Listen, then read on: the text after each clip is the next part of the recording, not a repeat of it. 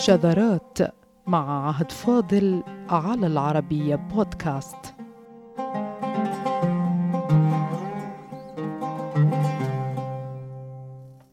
كثيرا ما نسمع أعزائنا في لغة التخاطب السائدة كلمة الحضرة في مخاطبة الآخر فردا كان أو جماعة فيقال حضرتك أو حضراتكم وتعتبر هذه الكلمة من أدبيات التخاطب العربية السائدة وهي مقبولة ومحببة وتشير إلى تعظيم المتكلم للمخاطب أو توقيره بالشكل الذي يتجنب فيه مخاطبته رأسا بكاف مخاطب. فلا يقول له قلت لك بل قلت لحضرتك وصارت الحضرة هنا حقا لجميع المتكلمين أو السامعين مع أنها في الأصل كانت للتخاطب بين أرفع الرتب كالخلفاء والملوك وأولياء العهد والوزراء. فكيف بدأ التخاطب بهذه الكلمة؟ ولماذا أصلا لا يكون الكلام بدون لقب في آداب التخاطب العربي؟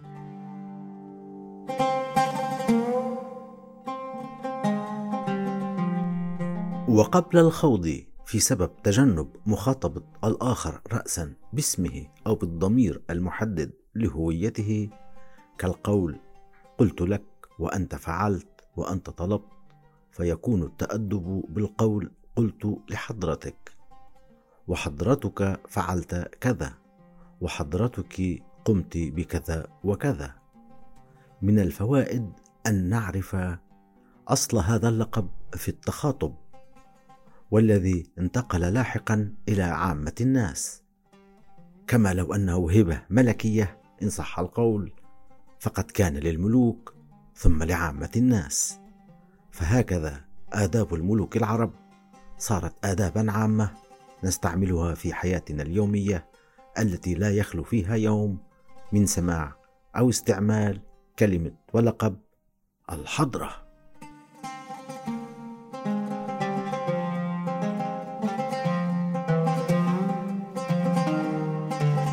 فبحسب المصنفين العرب والمسلمين فإن لقب الحضرة واحد من أقدم الألقاب التي تكاتب فيها الخلفاء والملوك.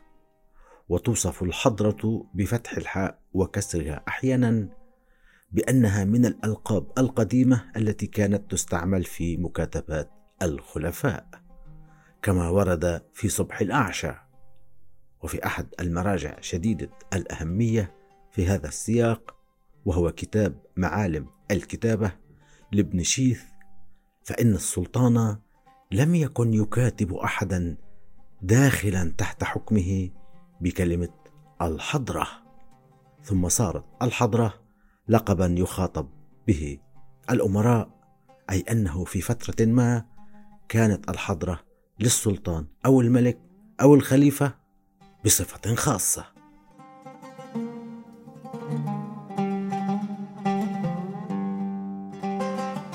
ويورد القاضي أحمد بن يحيى اقتباسا تمت فيه مخاطبة ملك من الملوك وتظهر فيها عبارة أطال الله بقاء الحضرة العالية وقد خطب به أحد ملوك الحبشة وهو الأمر الذي يؤكد أن أشهر ألقاب تعظيم الملوك كانت تقال بملوك العرب والمسلمين وغير المسلمين أيها السادة. لأن آداب التخاطب لم تكن محكومة إلا بالأدبيات نفسها بغض النظر عن دين أو هوية الملك المخاطب. وهو أمر ذكره مؤلفو الأخبار العرب. وما ورد في الخطاب الموجه لملك من ملوك الحبشة يؤكد ذلك. فقد قيل له الحضرة العالية.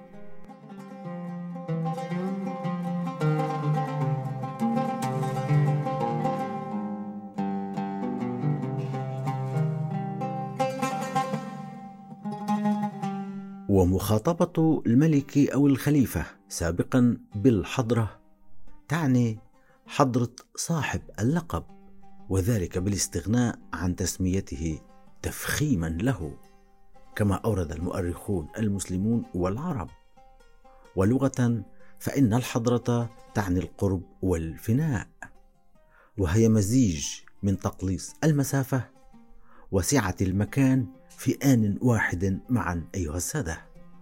ويؤكد كتاب معالم الكتابة أن الحضرة كانت للملوك كافة مسلمين أو غير مسلمين.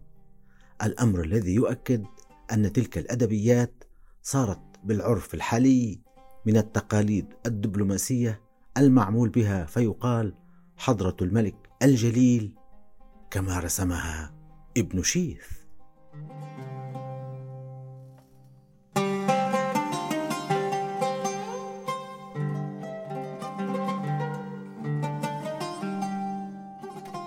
وكانت الحضرة يخاطب بها البطرك وهو تفخيم وتعظيم له فيقال حضرة البطرك أو حضرة الشيخ كما قال معالم الكتابة الذي من خلاله عرف أن لقب الشيخ كان لتبجيل حضرة البطرك ومن هذا التبجيل يشار إلى رؤساء العائلات المسيحية بلقب شيخ. كما هو الآن في المشرق. وجاء التكريم بالشيخ لأن نموذج الشيخ المحتمل هو الوصول إلى قمة الحكمة والامتلاء واختبار الأمور. ثم رئاسة القوم على ذلك فيقال الشيخ أي الزعيم أو الرئيس أو الأعلى رتبة وقدرا.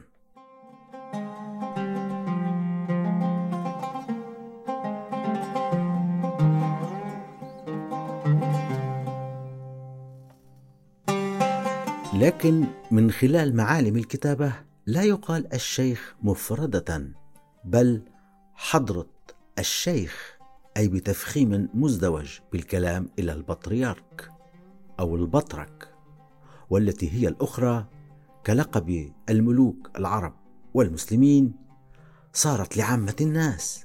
فكما كان يقال حضرة الملك يقال الآن لأي شخص حضرة أو حضرتك أو حضرتك وكما كانت حضرة الشيخ صار أي أحد يقول لأي أحد يا شيخ ومثلها المخاطبة بجناب فلان أو جنابك. فهو أيضا من ألقاب التخاطب العالية التي صارت تقال من الناس كلهم إلى الناس كافة. ذلك أن آداب الملوك صارت هي الآداب العامة للتواصل بين الناس. وكان التخاطب بالحضرة قد انتقل إلى الأندلس أيها السادة، ورصدت كتب التاريخ المتعلق بتلك المرحلة مخاطبات كثيرة خوطب بها ملوك تلك المنطقة. بالقول: خرج أمر الحضرة الملكية المعظمة العلية. أبر الله أيامها وأيد أعلامها. كما قال الدكتور حسن باشا في كتابه عن تاريخ المخاطبات الرسمية المعروف بالألقاب الإسلامية.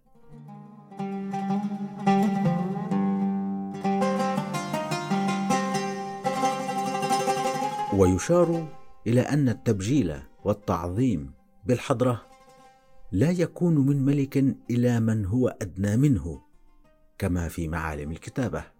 يؤكد في شكل قاطع لا شك فيه أن الحضرة للملك أو الخليفة حصرا. لهذا قال ابن شيث إن الملك أو السلطان لا يخاطب فيها أي أحد يقع تحت حكمه. وهذا ما جعل القلقشندي في صبحه يقتبس من ابن شيث بأن الحضرة أصلا كانت من مكاتبات الخلفاء ثم هبطت للوزراء ثم للقادة وأمراء الجند. ثم ها هي الآن بيننا من الجميع وإلى الجميع. حضرتك حضرتك حضراتكم وما إلى ذلك.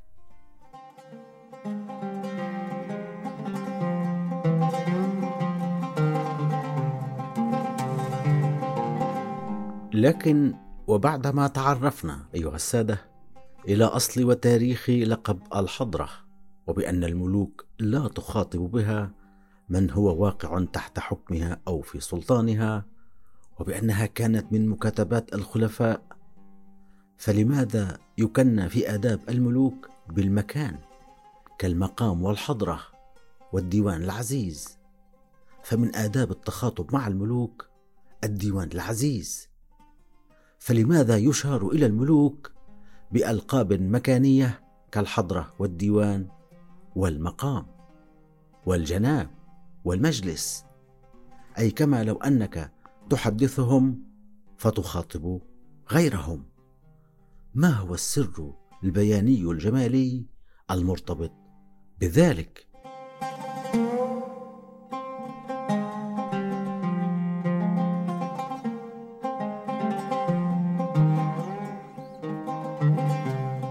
يذكر كتاب التعريف بالمصطلح الشريف أن مخاطبة الملك أو الخليفة بالديوان العزيز تعني الخضعان عن مخاطبة الخليفة نفسه.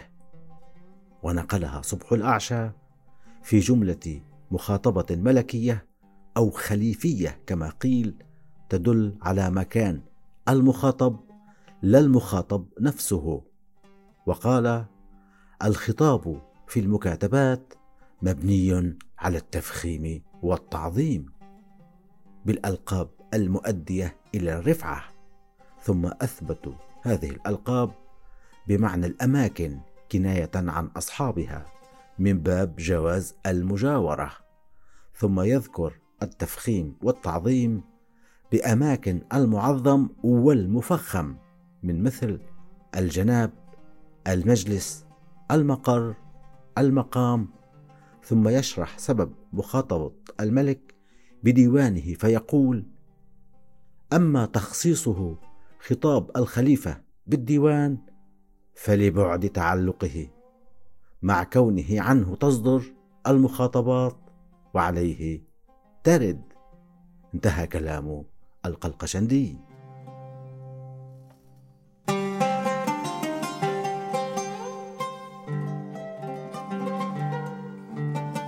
وجملة معنى القول في تبجيل الملوك بمكانها ويقصد منها حصرا المجلس والمقام والديوان والجناب لا بمخاطبتها مباشرة فهو الانطلاق من فكرة الاحتجاب وسمو مكان الملك في الأصل. فكما هو في مكانه العالي لا تتاح رؤيته إلا لقلة قليلة. فكذلك يخاطب من مكانه كناية عنه وهو أصل تبجيل الملوك بالعبارات المكانية في الديوان والمقام والحضرة والمجلس كما قال المصنفون بكلمة الخضعان عن مخاطبة الملك نفسه.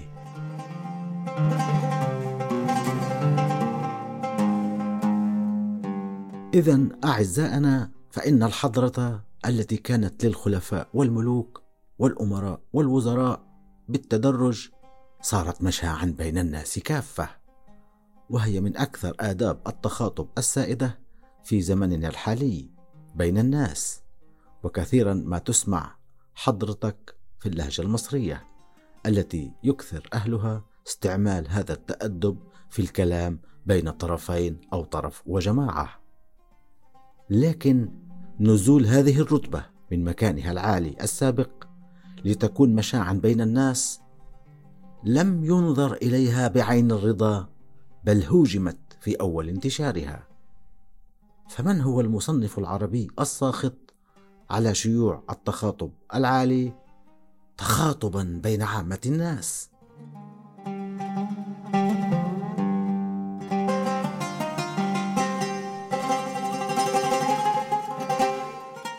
لم يخف نفسه ولم يزين احتجاجه بعبارات يخفي فيها سخطه على شيوع الحضرة بين الناس كافة وأنها كانت للملوك والخلفاء والآن متاحة بين الجميع وللجميع. طبعا المسألة لم تكن سهلة خاصة على الكتاب الذين كانوا يعملون في دواوين الإنشاء ويمتلكون خبرة واسعة في تصدير الكتب الصادرة من الخلفاء والملوك. والسلاطين. فلما رأوا ما كانوا يسطرونه لملك يقال لأي أحد حصلت الصدمة. كما مع ابن شيث القرشي أحد رؤساء الكتابة العربية في القرن السادس للهجرة. فكيف عبر عن سخطه؟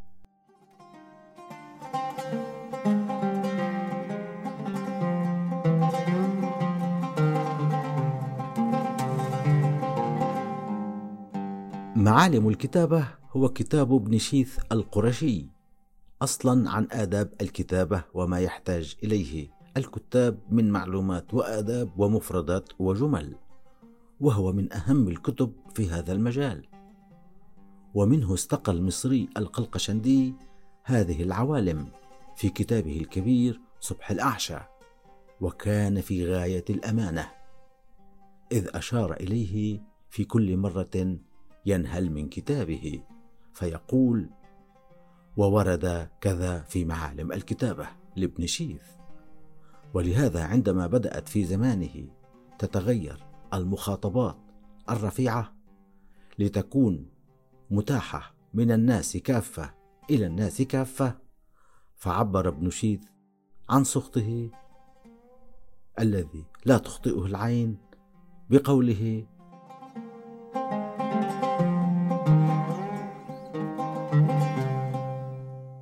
ثم انخرمت تلك القاعدة حتى صارت المكاتبات بين أكثر الناس مع التساوي على غاية التنزل فحادوا عن الضوابط ومرقوا من القواعد وصار الإنسان يكتب إلى أخيه أو مماثله أصغر المماليك أو أقلهم مع الانتساب إليه. ولعمرك إن هذا مسقط للحقوق وربما كان في بعض البر العقوق.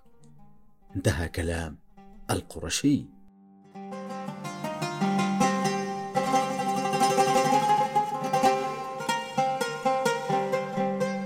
فإذا كان ابن شيث المتوفى أول القرن السابع قد أكد رواج الحضرة بين الناس كافة وأن هذا سبب سخطه على هذا الاستعمال الذي شاع بين كافة طبقات المجتمع.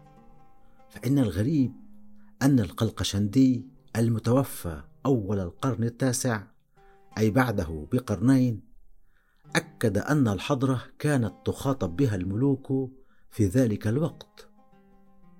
فهل هذا يعني أن الحضرة كانت للملوك والناس في الزمن نفسه في وقت واحد معا؟ سؤال للتاريخ وقادم الأيام. لكن في النهاية هذا هو أصل الحضرة في التخاطب والسائدة الآن في غالبية مجتمعاتنا. كانت من مكاتبات الخلفاء والملوك ثم صارت مشاعا للتخاطب بين الناس. كما لو أنها مكرمة لغوية تنازل فيها المعظم عن أدبيات تعظيمه.